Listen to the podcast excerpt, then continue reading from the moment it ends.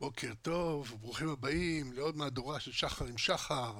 הפעם נעסוק באמונה בעידן הספק, אה, סדרת שיחות שתעקוב אחר אה, ספרי אמונה בעידן הספק, ונתחיל כמובן עם הכותרת הדו-משמעית, אמונה בעידן הספק, כלומר, איך נראית אמונה בעידן הספק, וגם אה, האמינו בעידן הספק, כלומר, איך מאמינים בעידן הספק, נותנים אמון בעידן הזה, שכולו ספק.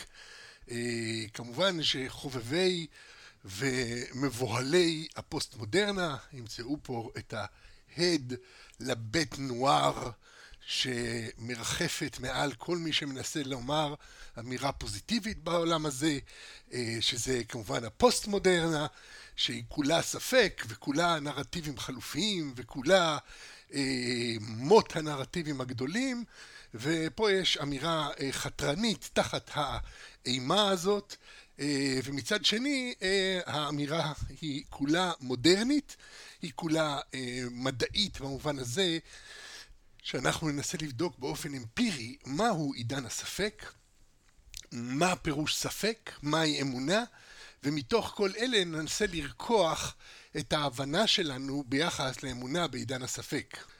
אוקיי, בואו נתחיל את הדיון הזה, ותסלחו לי אם אני אגיד uh, כמה מובנים מאליהם שיסנוורו אתכם. Uh, למזלנו, אנחנו נמצאים במדיום שמיעתי, אז אני מקווה שאתם תעברו את הסנוור של המובן מאליו. ויחד נוכל להגיע למקום שבו הדברים מקבלים את ה... אה, באמת את ההשלכות המשמעותיות שלהם ביחס למציאות וביחס לתודעה שלנו אה, כלפי המציאות. אה, כלומר, אני בהחלט נוקט פה בעמדה ריאליסטית, עמדה שבה יש מציאות שם בחוץ, אובייקטיבית כלשהי, שהמדע היום יודע להגיד עליה משהו מאוד ארטילאי, מאוד לא ברור, משהו ערפילי. כלומר, הנוסחאות שיש לנו לתאר את אותה מציאות שם בחוץ, אותה מציאות אובייקטיבית, הם בעצם מתארים מציאות אה, סטטיסטית, מציאות אקראית, מציאות מתאבכת, אה, מציאות שלא ממש אפשר לשים עליה יד, בוודאי לא המציאות שאנחנו, אה, שנגלה לחושים, ובכל זאת זו מבחינתנו המציאות האובייקטיבית, ומצד שני יש את המציאות הסובייקטיבית, את, ה, את התוך של כל אישיות ואת המקבץ המופלא של אישויות מקובצות יחד ויוצרות חברה, יוצרות תרבות, יוצרות ציוויליזציה, יוצרות אנושות עולמית אה, וזה התודעות האלה הן מכוננות את האופן שבו אנחנו תופסים את עצמנו, תופסים את המציאות האובייקטיבית. וכידוע בצד הסובייקטיבי יש אה, צדדים כאלה ואחרים שהם לא בהכרח אה, מתמשקים ישירות עם המציאות האובייקטיבית.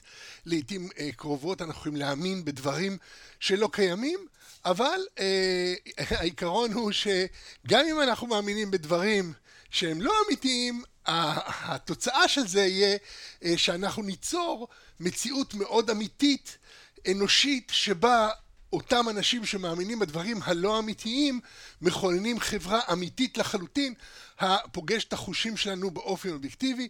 זה דברים אה, יסודיים שעליהם אה, דיברו אה, בשנות ה-60 כבר. אנשי הקונסטרוקציה החברתית, אנשים שדיברו על זה של איך אנחנו בונים חברה אנושית מתוך האמונה שלנו ולכן באמת האמונה שאנחנו נעסוק בה היא לא אמונה במובן הזה של תוכן האמונה, כפי שבדרך כלל כשאומרים עניינים של אמונה, מתכוונים מיד לתוכנה של האמונה. כלומר, אמונה של יהדות, אמונה של דצרות, אמונה של בודהיזם, אמונה תפלה, אמונה, כל מיני אמונות, ואנחנו, וזה הכל תכנים של אמונות, אלא אנחנו נעסוק פה בעצם הצורה, בעצם הכלי האמוני. ביכולת האנושית הזאת להאמין, להאמין, להיות פתאים, ואנחנו נולדים פתאים, ואנחנו מאמינים לכל דבר.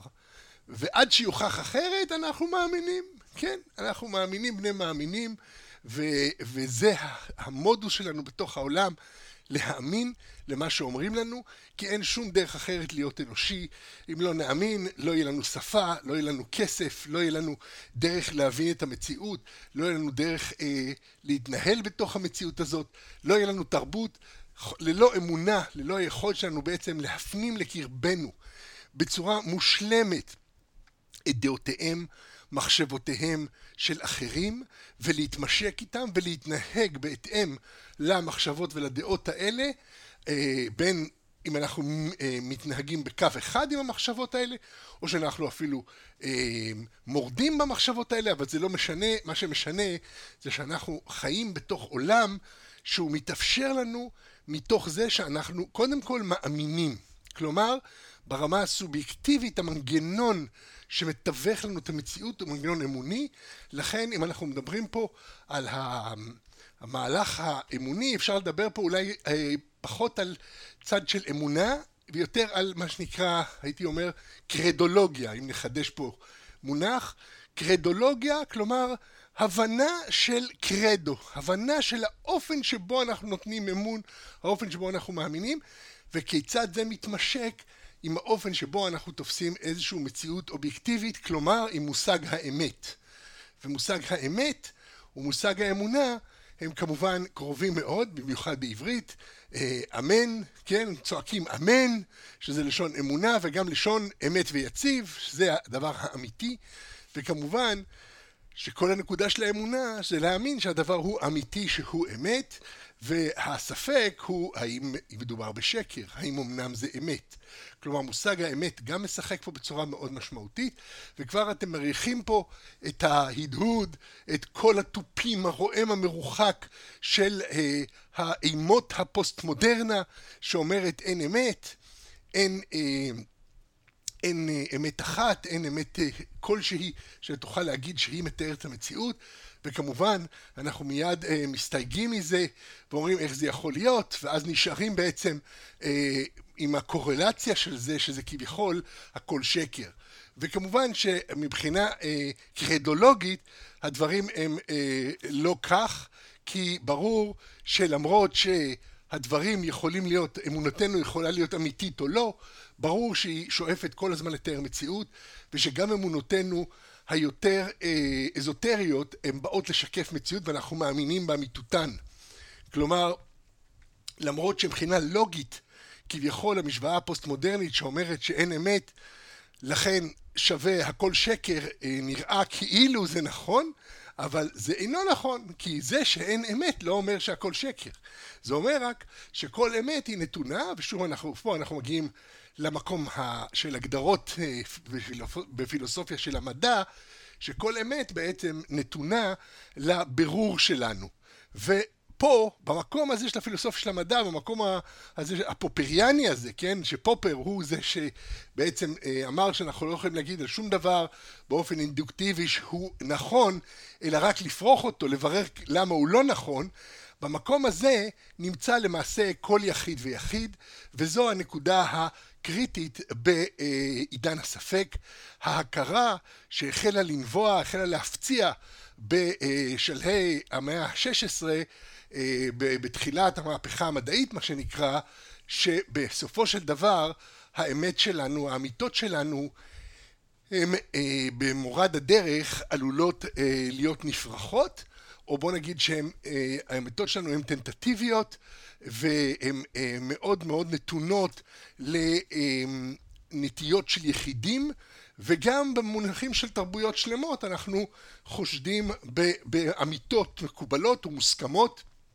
כי במהלך מאות השנים האחרונות ראינו שאמיתות רבות לא עמדו במבחן האובייקטיביות, במבחן המדע, במבחן הבירורים שלנו ולכן אנחנו אה, מרפים מהם, פשוט הרפאנו מאמיתות, ממה שהיה לנו נראה לנו כאמיתות ובחרנו להאמין בדברים אחרים, בחרנו להאמין בדרך אחרת לראות את המציאות, אין חלל ריק, תמיד יש לנו איזו אמונה ביחס למציאות ותמיד היא אמונה שאנחנו חיים לפיה, כלומר זו אמונה שאנחנו מאמינים שהיא אמת כי אנחנו מאמצים אותה כבסיס לפעולות שלנו, שאם לא נעשה כן לא נוכל לחיות כאנשים בכלל.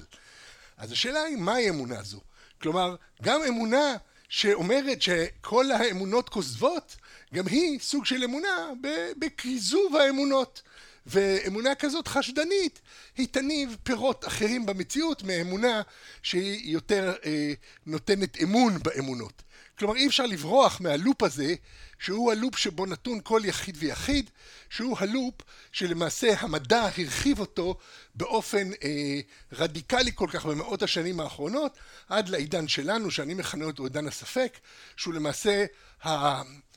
בוא נגיד המדרגה האחרונה או העדכנית הנוכחית בהתפתחות התרבותית מדעית שלנו שהתחילה בסביבות שנות ה-60 אחרי מלחמת העולם השנייה שהרבה מאוד מהאמונות הקודמות מהנרטיבים הגדולים אה, קרסו ופינו מקום לבירור אחר של המציאות.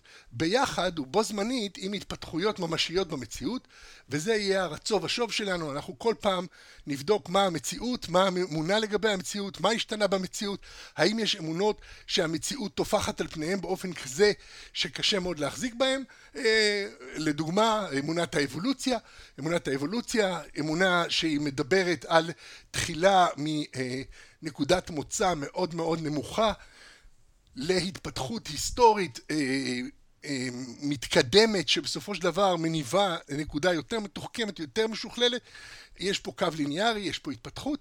מבחינה זאת נגיד האבולוציה אינה תואמת אמונות מסוימות ביחס לנגיד בריאת העולם, למשל היא לא תואמת אמונה של עולם שהוא אה, לא מתפתח, עולם שהוא מחזורי, כי אה, אנחנו רואים מבחינת הממצאים הארכיאולוגיים שאין פה מחזור, מחזוריות, או אם תרצו יש פה ספירלה עולה, כלומר המחזוריות הולכת בתוך איזשהו משהו ליניארי, ואנחנו רואים שבאמת מוצא האדם אה, מן האמבה ולא מוצא האמבה מן האדם.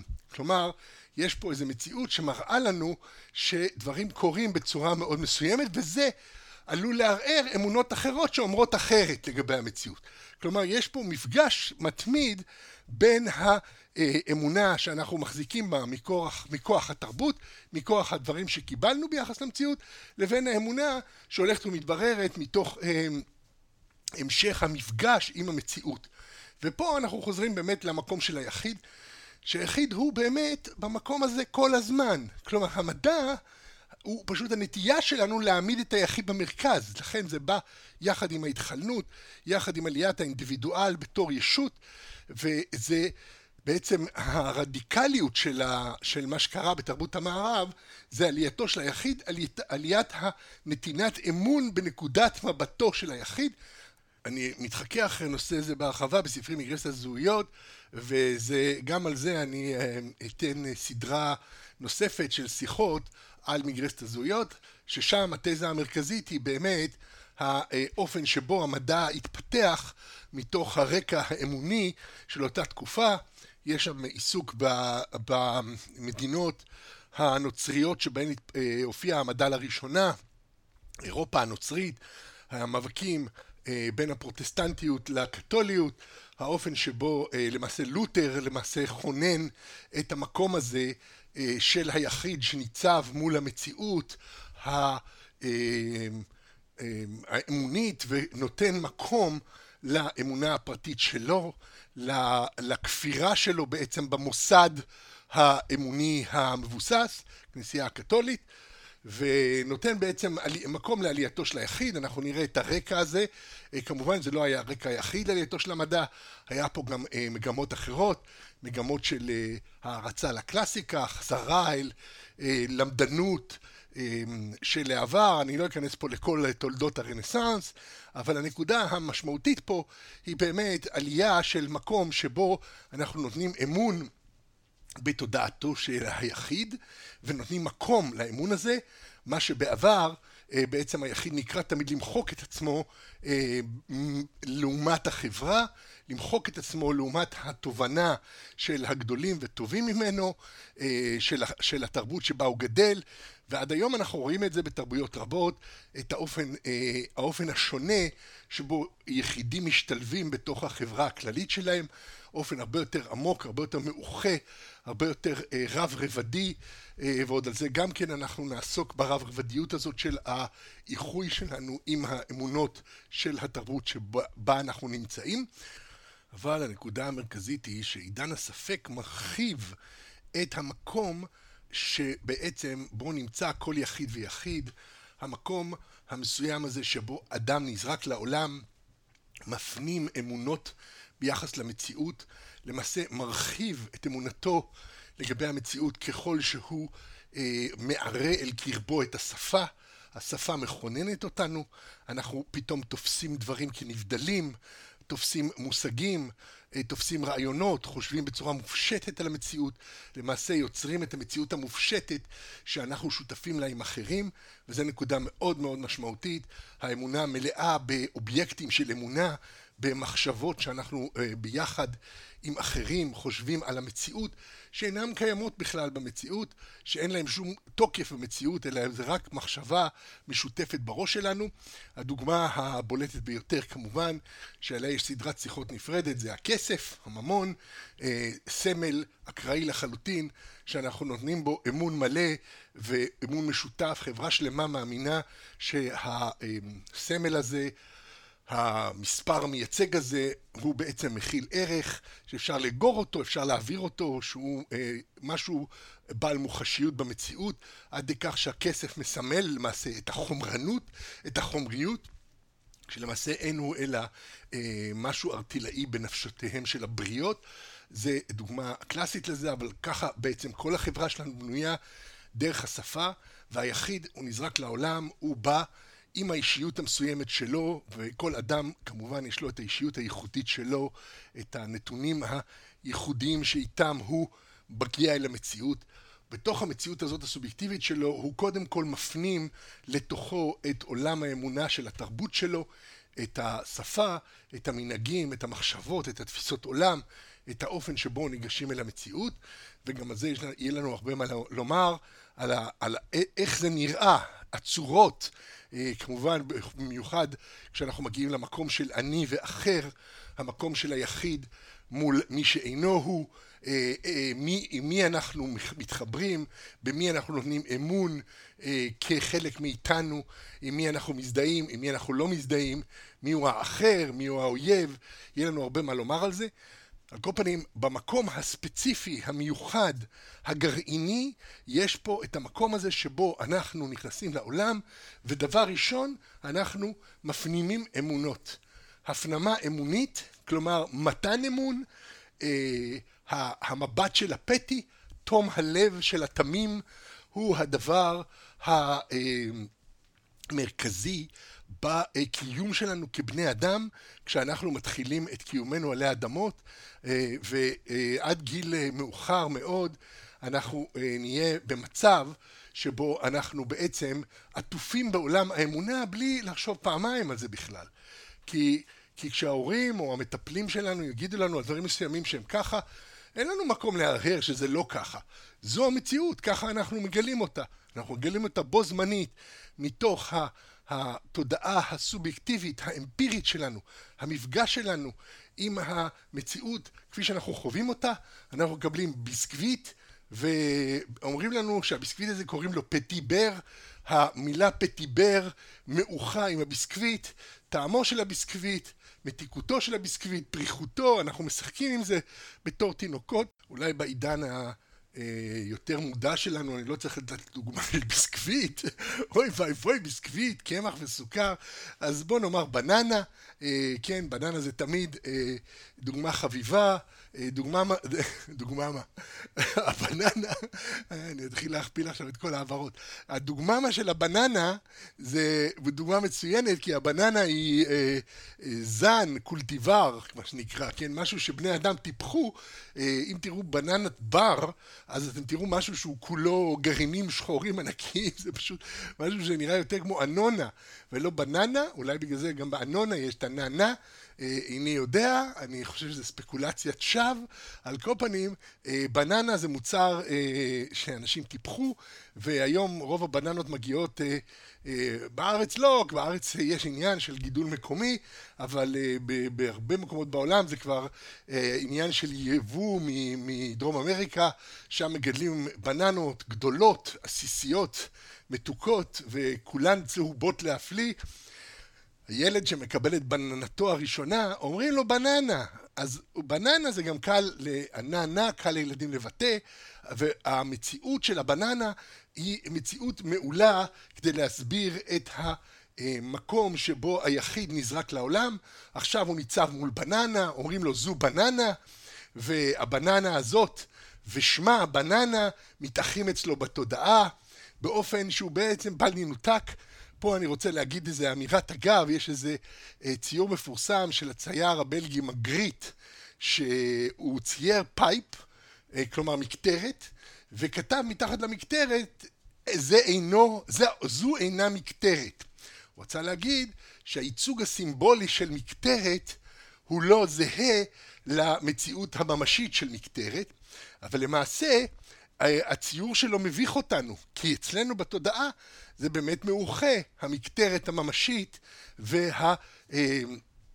והסמליות שלה, הייצוג שלה החיצוני כמקטרת, הסמלים עבורנו הם המציאות, המציאות תמיד מסתתרת מאחורי הסמלים, מאחורי העולם האמוני שלנו, מאחורי האופן שבו אנחנו רואים את המציאות. אחד הפילוסופים המוקדמים של המדע, מאירסון, אה, יש לו באמת תובנות מדהימות, אחת התובנות היפות שלו זה אה, שבאמת גם בעולם המדע כל המושגים שלנו הם מופשטים, כשאנחנו רואים משהו שהוא אה, כסף אנחנו באמת מדברים על איזושהי סגסוגת שלעולם לא יכולה להיות כסף טהור או זהב טהור או לא יודע נחושת טהורה אלא תמיד זה איזשהו מצרף של אה, חומרים ברמת טהרה כזאת או אחרת. ואנחנו אה, אומרים על זה אבל אה, אה, אה, על המונח המופשט שזה נחושת או זה כסף. אנחנו מתעלמים מהמקום שהמציאות בעצם תמיד קצת חורגת, קצת פורעת את המקום שבו המושגים שלנו חלים עליה, וזה מה שקורה בעולם האמפירי, בעולם שבו הנתון לחושים, שתמיד אנחנו מאגדים את החוויות החושים שלנו בתוך המבנים האמוניים שלנו. כמובן שזה לא חל על העולם מה שאנחנו נקרא אנליטי, אה, העולם שבו אנחנו בעצם אה, חיים באופן טהור את המושגים שלנו, למשל אה, בכל התחום של המתמטיקה, בכל התחום, הרבה מאוד תחומים של הדת, שאין צורך במציאות האמפירית שתבסס אותם, אין צורך בבננה ממשית שתלווה את המושג בננה, או מקטרת ממשית שעליה חלה המילה מקטרת, אלא יש מושגים אמוניים שהם מופשטים לחלוטין הם בעצם אה, לגמרי אה, רק בתודעת הבריות וכולם מסכימים עליהם כאילו הם היו דברים מוחשיים ממשיים. אה, המילה למשל משולש, מה זה משולש? משולש זה משהו עם שלוש צלעות אה, וכמובן שלא נמצא במציאות אה, משולש שאינו עם שלוש צלעות, אם לא היה לו שלוש צלעות הוא כבר לא היה משולש, זה הכל על פי הגדרה, זה נקרא מבנים אנליטיים. המבנים האנליטיים הללו הם בעצם המקום שבו האמונה שלנו מאוחדת עם מציאות, כי המציאות הזאת היא מציאות טהורה שאנחנו בוראים מתוך ההבנה הסמלית שלנו, והיא מקבלת את הממשות שלה רק בתודעות הבריות. אז אתם כבר מתחילים לראות פה איזה, איזה תחום שהוא בעצם רצף, מין רצף אמוני כזה, שבו יש מציאות אמפירית שעליה יש אה, המשגות אמוניות שניתן להפריד אותם מאותה מציאות אמפירית, המקטרת של מגריט למשל, יש מקטרות בעולם במציאות, אנחנו יכולים למשש מקטרות, לעשן מקטרות, ועליהן חל המושג מקטרת, וכשאנחנו נראה ציור של מקטרת מיד נבין שזה מקטרת. ולמרות שהוא כותב שם, זה, כשהוא כותב שם זו אינה מקטרת, זה יבלבל אותנו, כי מה הוא מתכוון? הרי אנחנו רואים שזה מקטרת. אה, הוא התכוון על היחס בין המסמן למסומן, בין הייצוג למיוצג, אז ברור שהוא הצביע על משהו שהוא לא טבעי לנו, שהוא לא ברור לנו. אנחנו מאחים בעצם את המציאות, תפיסתנו את המציאות האמפירית עם העולם המושגי שלנו, שבעצם מכיל את המציאות האמפירית שאנחנו תופסים. כי אם היינו חיים בתרבות שאין בה מקטרות, והיו אומרים לנו זו מקטרת, אז אנחנו לא היינו מבינים על מה מדובר, וזה היה רק מושג מופשט, והיינו מקבלים את זה כמושג מופשט של אותה תרבות, שבה יש מקטרות. וגם היינו יכולים להכיל את זה, למרות שמעולם לא ראינו מקטרת ממשית, כפי שאנחנו מכילים הרבה מאוד אה, מושגים מופשטים ביחס למציאות, שאין להם שום בסיס במציאות האמפירית. אבל עכשיו שוב, בואו נחזור, יש פה רצף, כלומר, ממושג שהוא לגמרי לגמרי מופשט, למושג שהוא אה, מאוחה אה, עם המציאות האמפירית. זה כמו הבדיחה, האם מלפפון הוא יותר ירוק או יותר ארוך. שזה קצת מביך אותנו, כי מה, מה זאת אומרת יותר ירוק או יותר ארוך? זה כאילו לא, לא, אין מה להשוות פה בין המושגים המופשטים ארוך וירוק, איך אתה משווה בין אה, מידה לבין צבע. אבל למעשה, אז עונים על זה, כן, הוא יותר אה, ירוק מארוך, בגלל שהוא ירוק מכל הכיוונים וארוך רק מכיוון אחד, שזה גם תשובת טריק כזאת. כי למעשה המושגים האלה לא, לא יכולים לתאר את המלפפון, יש פה איזו הפרדה בין המצב המופשט לבין המצב של הנוכחות האמפירית של המלפפון. ופה הנקודה הקריטית, הנקודה שלמעשה המציאות האמפירית שזורה בתוך עולם גדול יותר שהוא עולם האמונה שלנו. כלומר, אנחנו חווים את המציאות האמפירית בתוך המרקם האמוני, בתוך המרקם אה, שבו המושגים המופשטים הם מייצגים את עולמנו, אנחנו חיים בתוך הייצוגים המופשטים ופוגשים את העולם האמפירי, את העולם המציאותי, מתוך המושגים המופשטים האלה באופן שהוא למעשה ללא הפרד, לא ניתן להפריד את החוויה שלנו במציאות האמפירית מהעולם האמוני שלנו, הרווי כולו בסמלים, זה למעשה עולם אחד בשבילנו, וזה הכל עולם מסומל. ועכשיו השאלה באמת, מתי המושגים שלנו, המסמנים שלנו משתנים? מתי אנחנו אוכלים משהו שאמרו עליו שהוא בננה ומגלים שבעצם זה אגס? אולי זה איזשהו קלטיבר מתעתע, איזשהו אה, זן שבו החליאו אה, אגס עם בננה, אני לא יודע אם אפשר בכלל לעשות החלאה כזאת, אבל עושים החלאות, נגיד בין תפוגס יש, תפוחים ואגסים ודאי שיש, אז אנחנו לא יודעים מה זה, זה תפוח או אגס. יש מקום שבו האמונה הסמלית שלנו נפגשת עם מציאות חדשה, שגורמת לנו איזשהו אי בלבול, איזשהו אי הבנה, כי אנחנו לא יודעים אה, באמת אה, איך לתאר את המציאות הזאת, ו, וזה קורה אה, בקלות רבה במציאות האמפירית, שאנחנו נפגשים עם דברים שהם לא מה שחשבנו, וזה קורה אבל גם במציאות אה, האנושית המובנית מתוך המציאות האמונית. ופה אנחנו מגיעים בעצם לליבו של עידן הספק, שעם תחילת עליית המדע, למעשה העולם המופשט שלנו, העולם האנליטי, המושגי שלנו, אה, החל לערער אה, אמונות אחרות שהיו מוחות עם מציאות מסוימת. עולם שבו ה...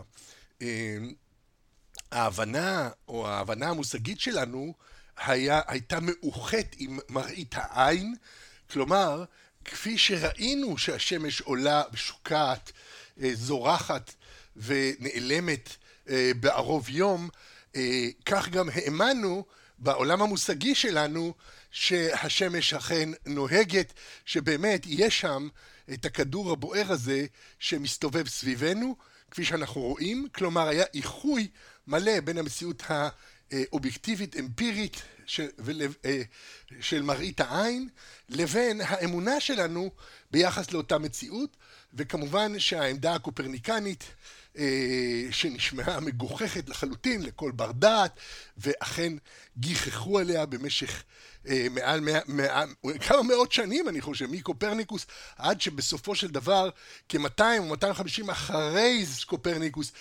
כולם קיבלו את זה כעובדה מדעית. אה, את המציאות הזאת, כלומר לקח הרבה זמן עד שאנשים קיבלו את קופרניקוס, את אה, קופרניקוס ואחרי זה גלילאו, ואת כל הממצאים המדעיים שבאו אחר כך, טיכו בראי וכל ה... לא, בואו לא נזרוק פה כל מיני שמות. אה, בואו נקרא לזה באופן כללי, התפתחות האסטרונומיה בעולם, בתרבות המערב. כמובן יש אנשים עד היום שמאמינים בעולם שטוח, בעולם שהשמש סובבת אותו, והיום בעצם מתוך הבנה מושגית עוד יותר מופשטת, איינשטיינית, אנחנו יכולים אפילו להסביר איך הם צודקים, כי אם אתה מסתכל על זה מנקודת זווית אה, יחסית, אפשר גם להעמיד אפילו את אה, כדור הארץ במרכז. זה הרבה הרבה יותר מסובך מבחינה חישובית לעשות את זה, אבל יש מקום לעשות את זה.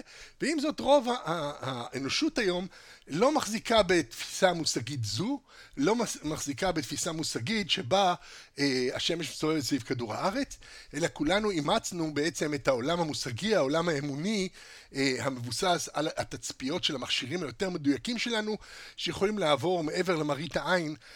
ולמעשה לגלות לנו שאכן אנחנו מסתובבים סביב השמש, והשמש מסתובבת סביב הגלק... מרכז הגלקטי, והגלקסיה מסתובבת סביב אה, משהו ביקום, אה, הכל זז כל הזמן, הכל מסתחרר ללא הרף, אין יציבות, הארץ לא לעולם עומדת, הארץ לעולם נוע תנוע, הכל היום זה ידוע, אבל פה הנקודה המשמעותית הייתה השסע, הקרע שנוצר בין המציאות בין התיאור המושגי שלנו של המציאות האמפירית לבין המציאות שאנחנו חווים בחושים. למעשה המסמן נפרד מהמסומן שלו והמושג שלנו על מערכת השמש קיבל תפנית ובו אנחנו בעצם הרפאנו מהחוויה האמפירית שלנו. ופה זה משהו לגמרי פרדוקסלי שצריך להבין שעומד בלב כל הדיון שלנו. ש... דווקא אותן אמונות שאנחנו מחזיקים מהן כאמת לאמיתה, אמונות מדעיות, כן? מערכת תפיסת העולם ההליוצנטרית, שבה השמש היא במרכז וכדור הארץ ושאר כוכבי הלכת במערכת השמש סובבים אותה, התפיסה הזאת היא לגמרי מושגית, סימבולית, מופשטת. נכון, יש לה את הבסיס האמפירי שבו אה, היא מבוססת על בעצם הטלסקופים שלנו, ההבנות שלנו, החישובים שלנו, אה, החישובים המופלאים שעשה אה, ניוטון, שעשה קפלר, אה, אנחנו מבינים היום הרבה מאוד על מה קורה במערכת השמש שלנו. אבל היחיד היחיד כמות שהוא, היחיד העירום הנזרק לעולם, אין לו שום דרך לראות את הדברים האלה. הוא פוגש את השמש כעולה ושוקעת, כפי שהיא ב, בכל הדתות עד היום, היא עולה ושוקעת, אה, הזמנים מחושבים אה, לפי אה, באה השמש ועלה השמש, ובקיצור, אנחנו עדיין חיים בעולם שמבחינת חושית אנחנו חיים אותו, חווים אותו, בצורה שהיא נבדלת מהעולם המושגי שלנו. כלומר, נוצר פה אה, איזשהו קרע בין החוויה המיידית שלנו, של המציאות, לבין. ההסמלה של המציאות, וכמובן שההסמלה היא זו אה, שמקבלת את משקל ה... את מלוא נקודת הכובד. אה, אנחנו מסבירים לילדים שגדלים אה, בתרבות שלנו, כן, אתה יודע, הנה, אנחנו רואים עכשיו את השמש שוקעת, אבל אתה יודע, בנצי, השמש הזאת היא לא באמת שוקעת, אלא אנחנו מסתובבים סביבה. מה באמת? בנצי הנדהם, כן, אנחנו מגלים לו את חידושי העולם אה, מאז גלילאו, אה, זה אנחנו שמסתובבים סביב השמש, אבל למה אנחנו לא מרגישים את זה? אחד הטיעונים הקלאסיים שהועלו נגד גלילאו, הילד מיד יעלה את זה, אנחנו מסבירים לו אז את משל הרכבת, אתה יודע בנצי, כפי שאנחנו עושים ברכבת, אה, אם אנחנו סוגרים את החלונות והרכבת מאוד שקטה, אנחנו לא מרגישים שאנחנו נוסעים, אנחנו יושבים, אפילו כשאתה פותח את החלון, אתה רואה שזה מהירות עצומה. אז בגלל שאנחנו בתוך בתוך כדור הארץ אנחנו לא מרגישים שהוא מסתובב כל כך מהר. ובנצי יסתכל עלינו בעיניים גדולות, והוא יקבל את דברינו גם אם לא יתיישבו עדיין אה, על קוצר תודעתו, כי אולי עדיין לא הגיע לגיל הבשלות שהוא מסוגל באמת לחשוב במונחים האלה, אבל יהיה לו ברור שמה שהוא רואה לגבי המציאות זה לא המציאות עצמה, ושמי שסיפר לו את העומק של המציאות, הוא יודע את האמת. שוב חוזרים לעניין האמוני, הוא ייתן בנו אמון, הוא יאמין לנו כשאנחנו אומרים שבעצם השמש הזאת, שאנחנו רואים את השוקעת, היא לא שוקעת, אלא היא יציבה ואנחנו מסתובבים סביבה, אה, שהיא עומדת במרכז המערכת שלנו, וכך זה יהיה. עכשיו, אם נגיד לו הפוך, אם נגיד לו שהשמש היא בעצם פנס בשמיים, או, או עשויה מ... אה, לא יודע, תנור גדול בשמיים, או לא, מה שנגיד, הוא יאמין לנו, ועד שלא יוכח אחרת, זאת תהיה אמונתו. העולם המושגי הוא תמיד מתקבל אצלנו מאנשים אחרים. הוא לא מגיע מהחוויה האמפירית שלנו. החוויה האמפירית שלנו להיפגש עם הבננה. הטעם שלה, המרקם שלה, הצבע שלה, המערך החברתי שבו קיבלנו את הבננה, אהבת האם, אהבת הסבתא, אה, המתיקות אה, של, אה, של הסבעת הרעב. אנחנו, הגוף שלנו בנוי מבחינה פיזיולוגית להעריך את המתיקות, לדעת שאיפה שמתוק יש יותר אנרגיה, איפה ששמן יש יותר אנרגיה, לכן אנשים אוהבים, לא יודע, גלידות שמנות ומתוקות, או בננות. שמנות ומתוקות, למרות שבננה פחות שמנה, דבר מאוד בריא בננה, הרבה אשלגן כמה שזכור לי, על כל פנים, המציאות האמפירית שלנו שאוכלת את הבננה, הישות הזאת, שזה אנחנו, שאנחנו עכשיו אוכלים את הבננה, נעשית מאוחת עם כל המערך המושגי שכרוך בבננה, שאנחנו מפנימים אותו, אה, והנקודה המשמעותית היא המקום שבו האמונה שלנו נפרדת מהמקום האמפירי, שזה רוב התפיסה העולמית שלנו היא נפרדת, כי זה מושגים מופשטים שאנחנו מקבלים מאחרים, שאנחנו לא בודקים אותם, שאין לנו איתם מפגש אמפירי. הרבה מאוד מהם לא יכול להיות לנו איתם מפגש אמפירי, כמו שאמרנו, מושג המשולש, אז יש לנו מפגש אמפירי עם משולש, אבל יש לנו מפגש עם הייצוג של הרעיון המופשט, כי למעשה המשולשות אינה נמצאת בעולם, אלא משהו בתודעה שלנו שאנחנו מכילים על העולם. ותמיד נמצא הפער הזה. עכשיו, כשזה מגיע למערכות אמוניות, כלליות, תרבותיות, למשל האמונה שהשמש היא זו שסובבת את כדור הארץ, כדוגמה, שזו האמונה רווחת בכל תרבויות האדם, והיא נפגשה בשלב מסוים עם אמונה מושגית אחרת, מופשטת יותר, שמבוססת על מכשירים שכמובן אנשים יכלו גם לבדוק, זה עדיין היה מאוחה עם האמפירי, אבל זה כבר לא היה מאוחה עם האמפירי המיידי, עם היכולת שלנו הבלתי אמצעית לחוות את, אה, את האופן שבו השמש למעשה אה, ניצבת במרכז וכדור הארץ סובב אותה, ואנחנו בסופו של דבר החלפנו את המערכת שהייתה מאוחה עם המציאות עם מערכת אחרת יותר אה, מופשטת, שמסמלת עבורנו אמת יותר עמוקה מן המציאות הנגלית לעין, שזה דבר מופלא לחלוטין. תמיד אומרים, יש את הביטוי הזה, אה, האדם יראה לעיניים והשם יראה ללבב, אז אם תרצו, אנחנו פה התחלנו לראות במבט האלוהי, כן? לראות את הלבב של המציאות, וככל שהעמקנו אה, לראות את לבב המציאות, אה, ככל שהמדע הלך ותיאר את המציאות בצורה יותר ויותר מדויקת, יותר ויותר משוכללת ומתמטית, כך המציאות הלכה ונסוגה כמשהו ממשי, הלכה והופיעה כמשהו ארטילאי לחלוטין, ששוב האדם לא יכול להבחין בה, כי היא אקראית, כי היא נתונה להשפעות של הצופה ועוד כהנה וכהנה, לא ניכנס כרגע לכל הפילוסופיה של המדע. הנקודה המשמעותית פה זה ההפרד שנוצר בין המציאות האמפירית למציאות המושגית שלנו, המציאות האמונית שלנו. עכשיו, מה לגבי דברים שהם באמת אה, מופשטים לחלוטין לכתחילה ו, ואין שום דרך אה, אמפירית כביכול לגלות אותם, כן? למשל, אמונות מסוימות לגבי אה, האופן שבו כסף מתנהג, כן? אז אנחנו נראה שיש תפיסה מסוימת לגבי איך כסף מתנהג, ואז מערכות סביב האמונה הזאת קורסות. ומתוך הקריסה הזאת אנחנו מגלים עוד דברים לגבי ההנהגה של הכסף. אבל הכסף לעולם לא נפגש עם המציאות האמפירית, כי הוא תמיד יישאר מופשט. הוא תמיד יישאר משהו בתודעתם של הבריות.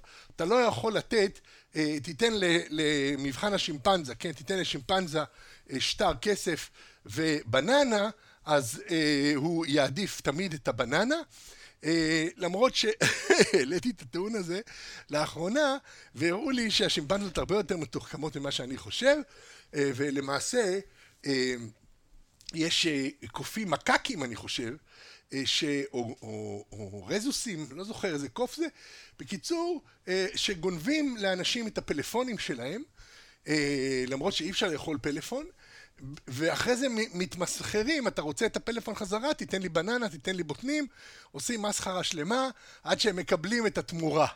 כלומר, אה, אולי אני צריך ללכת יותר רחוק, הקופים יותר מדי קרובים אלינו, כבר יש להם חשיבה מופשטת, אז בואו נגיד אה, כלב. אני לא מכיר כלב שעושה מסחרה, אולי יש, גם זה, כלבים חכמים. אני לא יודע לאן אני אצטרך לרדת בסולם אפילו גנטי כדי למצוא בעל חיים שהוא לא מספיק משכיל כדי אה, לשאת ולתת סביב מושגים מופשטים, אבל ברור לנו שבאופן טבעי בעולם, אה, בעולם הטבע, בעלי החיים אינם נוהגים לסחור ולשאת ולתת, אלו עם אלו עם אה, ייצוגים סימבוליים, עם כל מיני אה, חפצים או אה, בכלל אה, צורות מופשטות שמייצגות ערך, זה אה, נחלת האנושות, וברור שזה משהו שאנחנו יוצרים פה מציאות אנושית למעשה. כלומר, המציאות האנושית שנבראת מתוך התפיסות המושגיות שלנו, מתוך האמונות הכלליות שלנו, לא כלליות, האמונות האינטרסובייקטיביות בוא נקרא לזה. כלומר, בוא נחשוב רגע על החברה במובן של הרבה מאוד יחידים שמקובצים יחד. כי הרבה פעמים המונח חברה הוא מאוד מאוד מופשט, וגם עליו המציאו כל מיני דברים הסוציולוגים, אה, כאילו הוא מנותק מן היחידים שמכוננים אותו, אותה, את החברה. את הציוויליזציה, אבל ברור שזה משהו של תודעות מרובות, משהו בין תודעתי.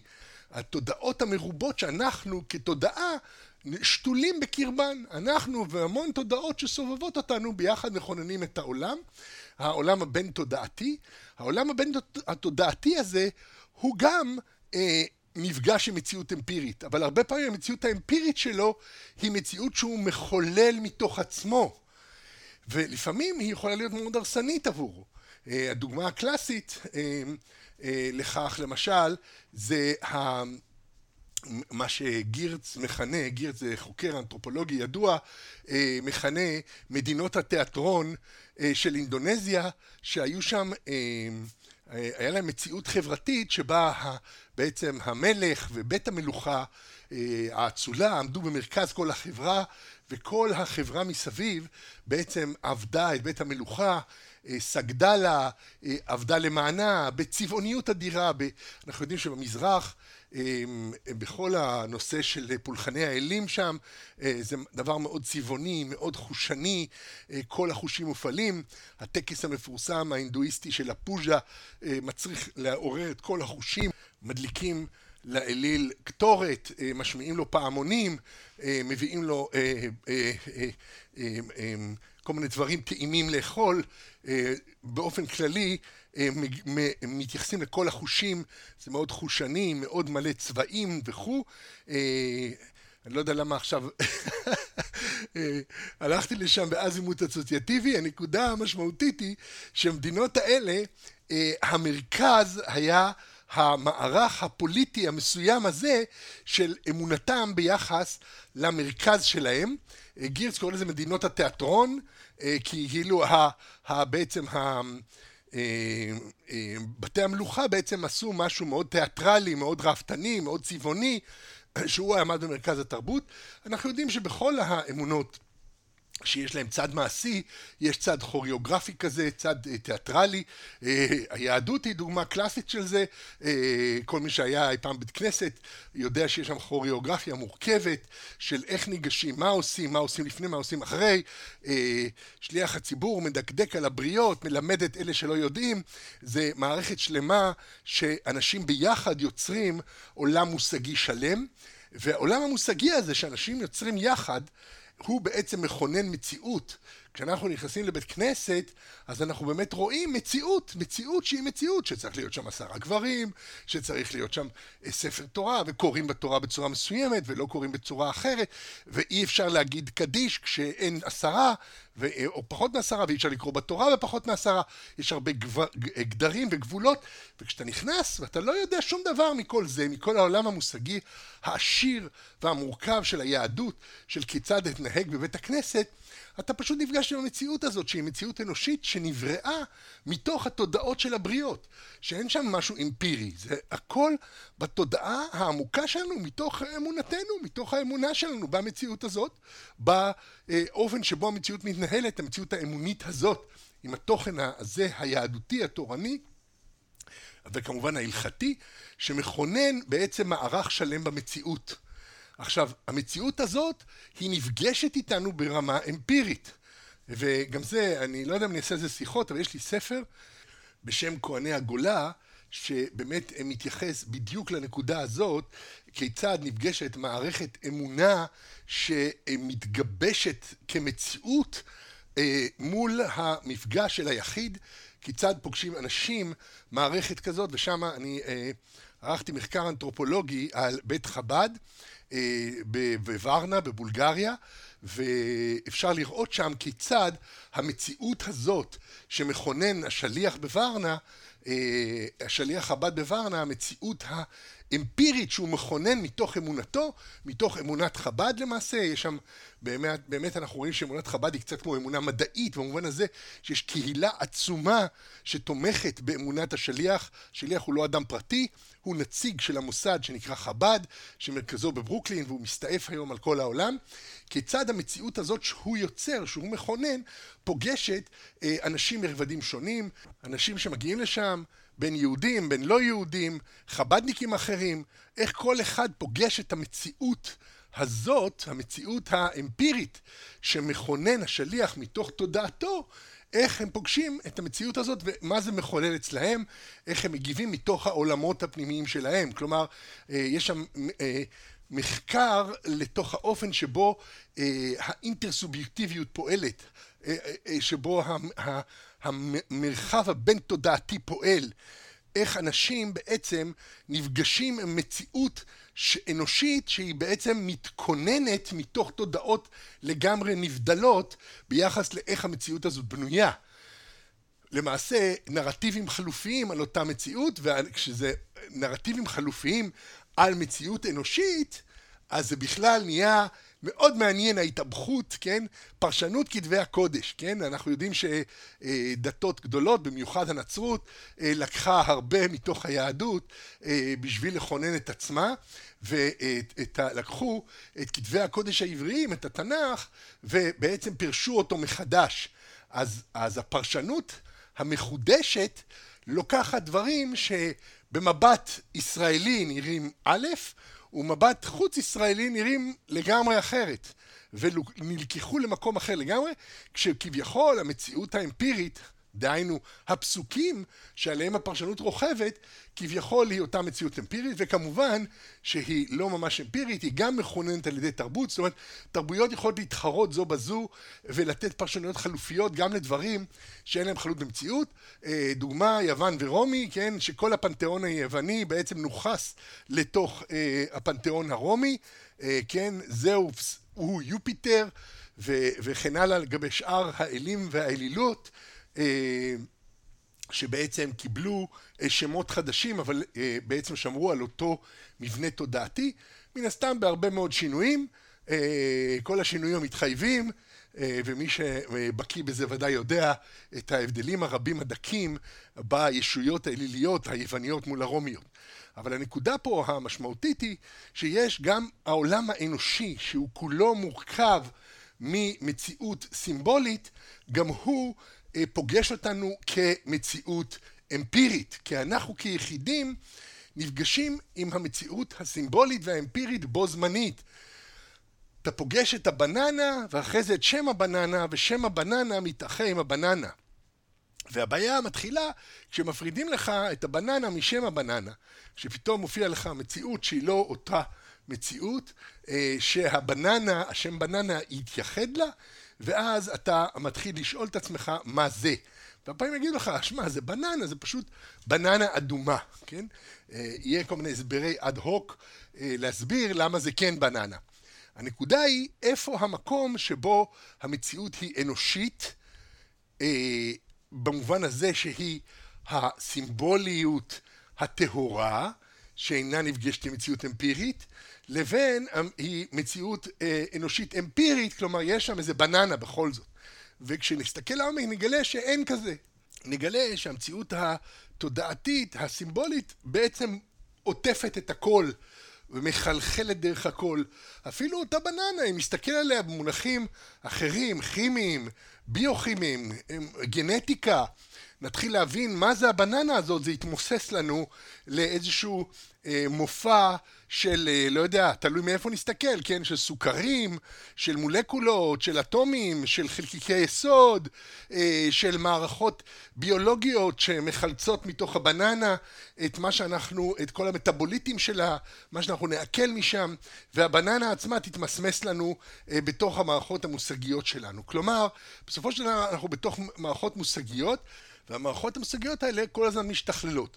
עכשיו, המציאות הזאת, שאנחנו בוראים מתוך התודעות שלנו היא מציאות ממשית. ופה אני חוזר לדוגמה שהתחלתי לתת של מדינות התיאטרון של אינדונזיה, ששם אה, כשההולנדים הגיעו, אז פשוט המל, המלכים אה, צעדו קדימה וכל העם אחריהם, אה, כי במלחמות שלהם אז אין, אין פוגעים במלך. כלומר, מותר לך להרוג את, כל, את כולם, אבל אתה לא תעיז לפגוע במלך.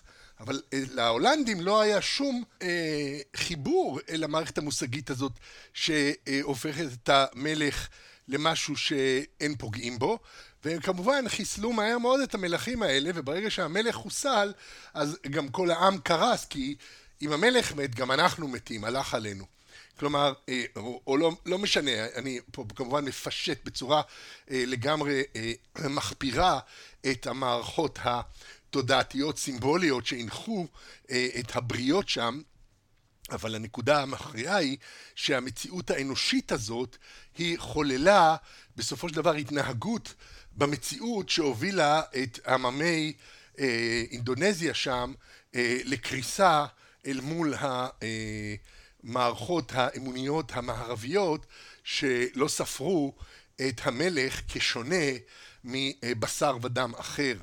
ולמעשה אה, פשוט חיסלו, הם אנשים שם, אה, היה שם ממש התאבדות המונית, כולם צעדו אל מול אה, הרובים של ההולנדים ונקצרו טבח דמים אדיר, אי אפשר לתאר את זה, אבל המציאות האמפירית הובילה בסופו של דבר להתפוגגות של המערכת האמונית, כי למעשה אי אפשר היה להמשיך להחזיק בעולם שבו חיו אותם אינדונזים,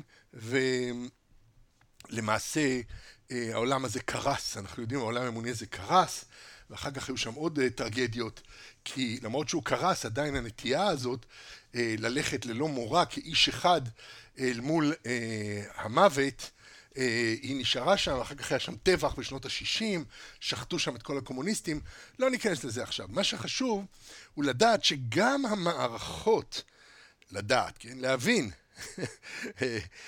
להכיר בכך, להכיר בכך שגם המערכות האנושיות הללו, הרחבות, התודעתיות שלנו, הן מערכות שהמציאות האמפירית משנה אותן. אנחנו רואים את זה אחרי מלחמת העולם השנייה, ו- ולא בכדי אני מתייחס למלחמת העולם השנייה כקו המשבר שאחריו אה, מתחילה בעצם המציאות המודרנית שלנו, המציאות של עידן הספק, הרבה מאוד דברים השתנו כתוצאה מהמציאות האמפירית. למשל, האפליה כלפי אה, שחורים בכלל, כל תורות הגזע, תורות הגזע, תורות המיזוגניה, אה, כל התורות הללו שבעצם התייחסו לבעלי, לאנשים שונים כאילו הם אה, פחותים מאחרים בגלל צבע עורם, אמונתם, גזעם, מקורם, מיניותם וכן הלאה, התורות האלה הם נפגשו במציאות אמפירית שכוננה האנושות עצמה. שפתאום המציאות האנושית האמפירית שנבראה מתוך המערכות האלה יצרה סתירה פנימית. בצבא ארצות הברית אה, אנשים אה, בעלי גווני עור שונים נלחמו כתף אל כתף מול הגוון הלבן הכביכול דומיננטי שגם הוא עתיר אה, גוונים נשים נכנסו לבתי החרושת והחליפו את הידיים הגבריות שעבדו שם לפני זה כי כל הגברים הלכו לחזית ופתאום בבת אחת כל המציאות הזאת השתנתה. כל המציאות שבה אה, הפרדות היו ברורות ומובנות מאליהם, שבה המציאות האמפירית הייתה מאוחה עם המציאות המושגית, פתאום נוצר איזוש, איזשהו בקע בין מציאות אמפירית למציאות המושגית, ואנשים נאלצו לקבל לת, לתודעתם אה, תפיסה אחרת של מציאות אנושית, מציאות אנושית אחרת, שאכן נבראה מתוך, מתוך זה שאנשים פעלו באופן אחר. מתוך זה שבאמת נוצרה מציאות אמפירית אנושית שונה שסתרה את תורות הגזע למיניהם או תורות המיזוגניה למיניהם. כי התברר שנשים אינן נופלות מהגברים בניהול בתי חרושת וייצור בבתי החרושת. התברר שאנשים כהי אור הם לוחמים לא פחות אמיצים אה, ומסורים מאשר עמיתיהם בעלי האור החיוור יותר וכן הלאה, ובעצם כל תורות הגזע למיניהם נפלו אה, למקום שרואים בהם עכשיו משהו אה, פונדמנטליסטי, ארכאי, ו- ולמעשה נפלו למקום שכולם, כל בר דעת סולד מהם. אה, למרות שהן עדיין מפעמות בצורה מאוד חזקה בכל הדתות, בהמון המון תפיסות פוליטיות. זה שם, השד הזה, השד הנורא של האפליה על רקע החיצוניות האנושית, במקום להבין שהפנימיות היא תמיד אותה פנימיות, הנשמות שנזרקות לעולם אינן תלויות לא במגדר, לא בגזע, לא בשום דבר, אלא תמיד זה אה, נשמה תמימה נזרקת לעולם, אה, במקום להכיר בכך, עדיין אנחנו, זה איתנו האפליות, ההבחנות, והיום לצערנו יש אה, את האפליה החדשה, אה, כל התנועות האלה שבעצם עושות אפליה הפוכה.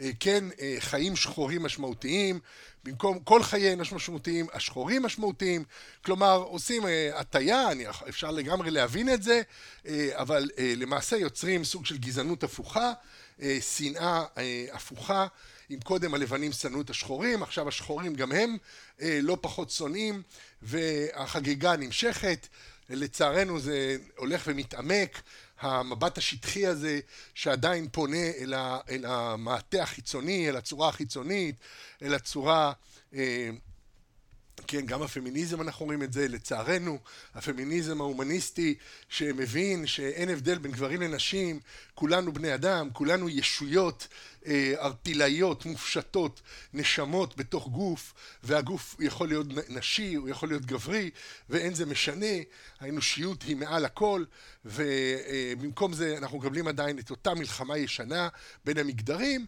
אלא שעכשיו יהיה נהפוך הוא. שעכשיו הנשים הן הן אה, תהיינה הידן על העליונה וכן הלאה, זה פשוט אה, דבר אה, מהותני, בעייתי, ועוד יהיה לי דיון בזה כשנעסוק בכלל במגדר, באמונות ומגדר, אבל הנקודה הקריטית פה זה שפה התמורה האמונית שהבחינה, הבחינה באפליה, הבחינה בקלקול שהיה במערכת הקודמת המיזוגנית, החליפה אותה במערכת מיזנדרית. כלומר, מיזוגניה שנאת נשים, מיזנדריה שנאת גברים. זה לא שינוי ברמה התודעתית, כמו שאנחנו ראינו אה, שקרה בעקבות המהפכה המדעית, שמערכת הגיאוצנטרית הוחלפה לחלוטין במערכת ההליוצנטרית, אחרי שהובן שבאמת כדור הארץ הוא זה שנוע תנוע. זה לא אותו דבר. אמנם הבנו, אחרי מלחמת העולם השנייה, התודעה שאין להפלות היא הלכה וגאתה, אבל בגלל שהמערכת הציבורית, האמונה הציבורית השתנתה מאוד לאט, אז עדיין נשארו הדעות הישנות שהן מלאות גזענות, עד היום במקומות רבים אתה צריך לרשום אה, איזה גזע אתה, בישראל אנחנו לא נפגשים מזה כי כולם אה, מורחים תחת אה, המטריה של אה, יהדות ואז אתה לא צריך לכתוב אה, באיזה גוון עור אתה ולאיזה קהילה אתה משתתף, למרות שיש את זה קצת במערכות רפואיות, צריך לכתוב אם אתה אשכנזי או ספרדי, כי יש מחלות גנטיות שיותר נוגעות באשכנזים או בספרדים, יש את זה, אבל נגיד באנגליה אם אתה ממלא אה, דוח, אז יש שם אה, אולי 20 קוביות שמשבצות אותך לאיזה סוג של גוון עור ואיזה קהילה אתה משתייך והמחלוקות, החלוקות האלה בין קהילה לקהילה, בין גוון אור לגוון אור, עדיין אה, עומדות על עומדן, ובגלל המקום הזה, אז בסופו של דבר אה, אה, הייתה ממש בעשור האחרון, העשורים האחרונים, בשנים האחרונות, אה, מין ייאוש כזה מהתקווה ההומניסטית, ייאוש מתפיסת האדם באשר הוא אדם, ופנייה חזרה אל דפוסים גזעיים בהיפוך, כלומר אה, יותר, אה, יותר מכסות למיעוטים, יותר קידום אה, של, של אוכלוסיות שבעבר הופלו, יותר דגש לתת למי שהיה אנדרדוג להיות overdog, ובמקום למחוק את ה, בכלל את המושג אנדרדוג, במקום למחוק את האפליות האלה, אומרים בוא נעשה נהפוך הוא. ויש פה טעם לפגם. ואנחנו עוד נראה את פירות הבאושים של זה, כי זה עדיין אותן מערכות גזעניות, מפלות, שאינן מכירות בייחוד המופלא של כל אדם. זה פשוט... אה, אה, לאחרונה אני הייתי ב, ב, ממש ב... הופתעתי כזה, יש סופרת אה, שאני מאוד מחבב, אוקטביה באטלר, שאחרי שקראתי את ספריה, פתאום התברר לי גם שהיא גם שחורת אור, ועושים מזה עניין שלם. אז, אז פתאום מופיע, אחרי שהזדהיתי באופן אה, עמוק עם, עם המקום האנושי שלה, עם ה, באמת ה, ה, המבט האנושי, אה, פתאום אה, אני רואה איך היא עכשיו מקוטלגת בתור אה, בת הקהילה שחורת האור, ו, ועושים עניין שלם מזה שהיא אה, שחורת אור, במקום לעשות עניין שלם מהאנושיות שלה, מהגאונות שלה. שהיא מעבר, מעבר לצבע העור, מה זה משנה? אם בן אדם הוא לבן או שחור או ירוק או צהוב, מה זה משנה? משנה היכולת האנושית שלו לבטא את עצמו, לגעת באחרים, נשמה בנשמה. אז יש פה מהלך שלם מאוד מאוד בעייתי, ואני חושש מאוד שאנחנו עדיין אחוזים באותה מערכת אה, עתיקה של אפליות, שבעצם אומרת אה, מי שייך לי ומי לא שייך לי, מי הוא אני ומי הוא הזר, מי הוא האויב, אה, ויש הרבה מה להגיד על זה, זה אופייני לכל התרבויות, לכל הדתות, לכל המערכות, אה, מי הוא המאמין ומי הוא הכופר, מי הוא השייך אליי והוא בן עמי, ומי הוא אויבי, ובאמת יש פה מהלכים שהרבה מה שיש לדקדק בהם, כי יש גם מקום להזדהות, יש הזדהות, ובוודאי שיש תכונות אה, שאנחנו מרגישים מאוד בנוח עם בני הקהילה שלנו, ויש צד כזה באישיות, באנושיות שלנו, שהוא מאוחה עם התרבות העצמית, עם השפה הילידית שלנו, עם המערכות התרבותיות שבהן גדלנו. על כל פנים, אם נחזור לנקודה המרכזית שלנו, אה, אחרי הטיול הזה שערכנו אה, בין ההשלכות המפחידות במידת מה של מה שקורה היום אה, במאבק בגזענות, במאבק למען שוויון זכויות בין כל בני האדם והפרידה מן ההומניזם, נחזור לנקודה המרכזית שלנו. הנקודה המרכזית היא שתמיד יש איזשהו פער בין התודעה האמפירית שלנו לבין התודעה הסימבולית שלנו, כשהאמפירי בלוע בתוך הסימבולי. הסימבולי, המערך הסימבולי שלנו הוא קובע, וכל המערכות המציאותיות שלנו, המערכות האובייקטיביות שלנו, פועלות בתוך העולם האמוני שלנו, בתוך העולם האמוני הזה. וזה הנקודה הקריטית, שהכל הוא בעצם אמונות. אמונות אנושיות בין תודעתיות קבוצות שלמות של אנשים, בעולם המדע זה מתפרס על פני כל, כל כדור הארץ, אה, אקדמיות למיניהם, בכל העולם האוניברסיטאות זה תמיד האליטה של כל חברה, והאנשים האלה הם התודעה בעצם הציבורית של העידן הנוכחי שלנו, והתודעות האלה הן מתפרסות על פני תבל, והתודעות האלה הן כל הזמן מבררות בעצם את המציאות בתוך המערכות המושגיות. אין הפרד. ועכשיו השאלה היא, מה הם יצרו, המערכות האלה? כי ברור שגם המערכת המדעית עצמה, אנחנו עכשיו מסתכלים במבט על, כן? המערכת האמונית של המדע, המערכת האמונית של האקדמיה, ברור שהיא עומדת בסתירה להרבה מאוד מערכות מסורתיות. ועכשיו השאלה, המאבק הוא שוב על האמת. איזה מציאות אמפירית מכוסה על ידי האמונה שלי?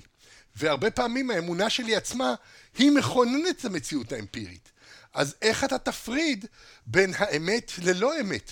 והרבה פעמים האמת זה במובן הזה של, אה, אה, אה, של בעצם היא, נמדדת לא במונחים כמו שאנחנו דיברנו על המשולש שהוא משולש מונחים אנליטיים אלא האמת עצמה היא סינתטית, היא, היא בעייתית. איך אני יודע שגזענות זה לא אמת? איך אני יודע? במפגש עם אנשים אחרים שהם לא מגזעי, ואז אני מגלה שהם בדיוק כמוני. או בצורה עוד יותר עמוקה היום, דרך הספרות, דרך הקולנוע, דרך, דרך ייצוגים פנימיים של אנשים שהם לא כמוני, שאני מוצא שהם כמוני, שאני מזדהה איתם. כלומר, יחיד פוגש את האחר ומגלה שהוא אותו דבר, כן? שהוא לא אחר זר ומאיים, שנוא, אלא אחר שאפשר לחבקו. אז המהלך הזה הוא שוב מציאות אנושית שמכוננת אה, מערכים במציאות האמפירית שמקרינים חזרה על האמונות, שמבררים לנו את האמונות.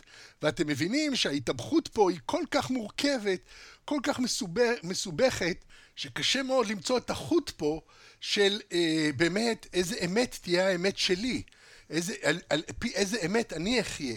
וכל אדם הוא בסופו של דבר נקרא אל הבירור הזה, אל ההבנה הזאת, אל ההכרעה הזאת, באיזה אמת, במסגרת איזה אמת אני חי, מהי האמת ש, שאני רואה בה כאמת.